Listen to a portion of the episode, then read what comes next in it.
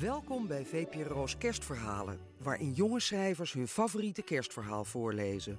Sanneke van Hassel leest Wie een kerstboom plant, moet hem eerst plukken, van Charlotte Mutsaars.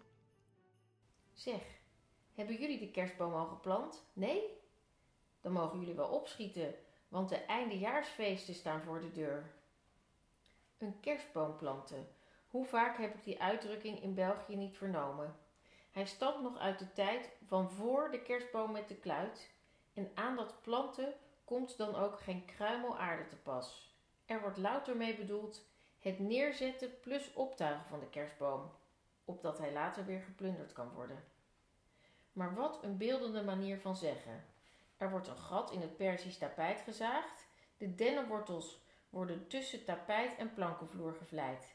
Gietertje erover, klaar. Alvorens de kerstboom geplant kan worden, dient hij echter te worden gekocht. Ik wist niet beter of dat deden de vaders. Want, zo hoorde ik mijn vader meer dan eens met stelligheid beweren, vrouwen hebben geen benul van hout en takken. Geen enkele vrouw legt immers een behoorlijk haardvuur aan.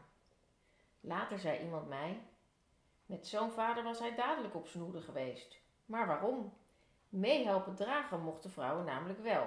En aangezien mijn moeder daar geen zin in had, was deze verrukkelijkste taak aller taken, waar ik het hele jaar naartoe leefde, voor mij weggelegd. Zo togen vader en ik, hij met lammies en ik met wollen wanten, niet alleen omdat het winter was, maar ook omdat Denne zich nauwelijks zonder handschoenen aan laten pakken, jaarlijks samen naar de kerstboommarkt. In Utrecht, waar ik vandaan kom, werd die gehouden op het Janskerkhof, een passende plek voor evergreens die bruut van het leven zijn beroofd.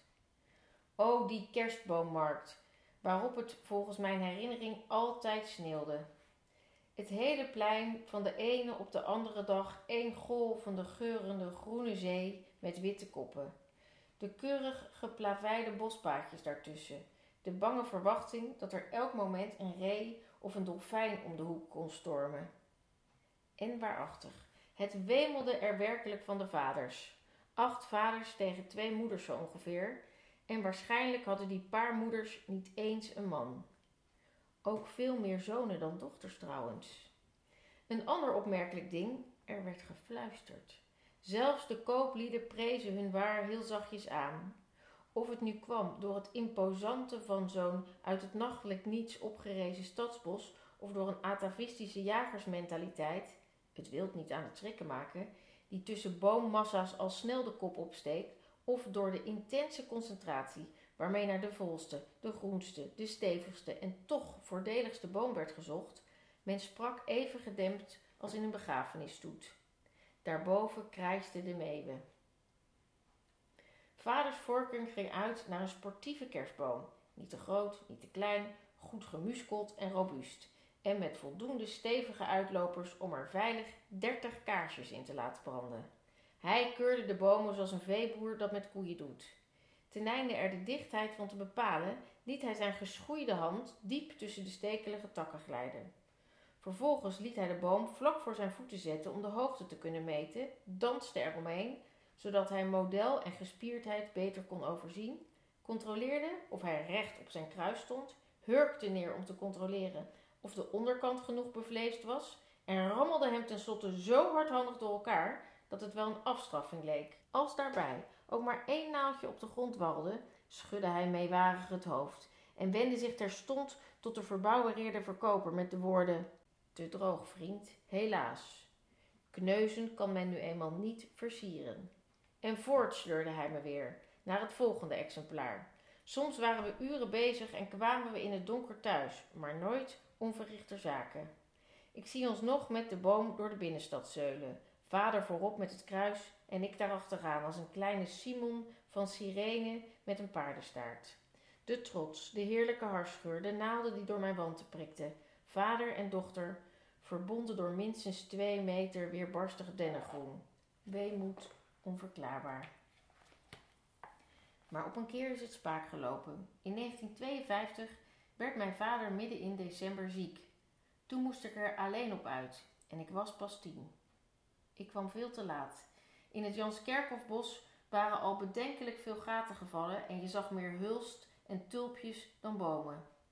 Mij restte de keus tussen schriele, reeds roestige sprinkhanen, die de naam kerstboom niet verdienden, en een Noorse kanjer van het type waarmee elk jaar de Dam in Amsterdam wordt opgeluisterd. Meer dan vijf en een halve meter mat deze boom, maar wat moest ik? Ik koos de kanjer. De zoon van de koopman, die voor de gelegenheid als kerstman was uitgedost, bood me aan om te helpen dragen. Dat was gedienstig. Desondanks deden we een vol uur over de tocht die anders nog geen tien minuten vergde. Angstvallig hield ik daarbij de richtingaanwijzer van zijn rode muts in de gaten, wat niet verhinderde dat we overal tegenaan botsten. Elke vijf minuten puften we even uit, beschimpt, bespot en bijna overreden kwamen we ten lange leste bij onze voordeur aan. De boom was ongeschonden, maar nu moest hij nog naar binnen. Ons huis bezat een ellenlange, kronkelende en duistere gang vol iconen, beeldjes en Chinese borden. Langs de wanden bevonden zich bovendien nog allerlei tafeltjes met lege jampotten, gestekte plantjes en diverse snuisterijen. Samen met een vreemde kerstman in zo'n gang leek me niets. Dus zei ik dat ik het wel alleen af kon, scheepte hem af met een rolletje drop en wachtte tot hij uit het zicht verdween. Het was nog een hele toer om de boom zo ver te krijgen dat hij met zijn punt naar de halopening wees, maar ik had wel voor hetere vuren gestaan. Toen begon ik hem zo goed en zo kwaad als het kon de donkere schacht in te persen. Aanvankelijk liep dat gesmeerd. Als een speer boorde hij zich naar binnen. Doch deze speer had weerhaken en toen hij eenmaal vastzat, kon hij niet meer terug. Pas op dat moment kreeg ik door dat ik het niet alleen af kon. Ik drukte op de bel. Mijn moeder verscheen in jasschort op het balkon, niet wetende dat geen enkele vrouw mij in deze helpen kon. Wat er was.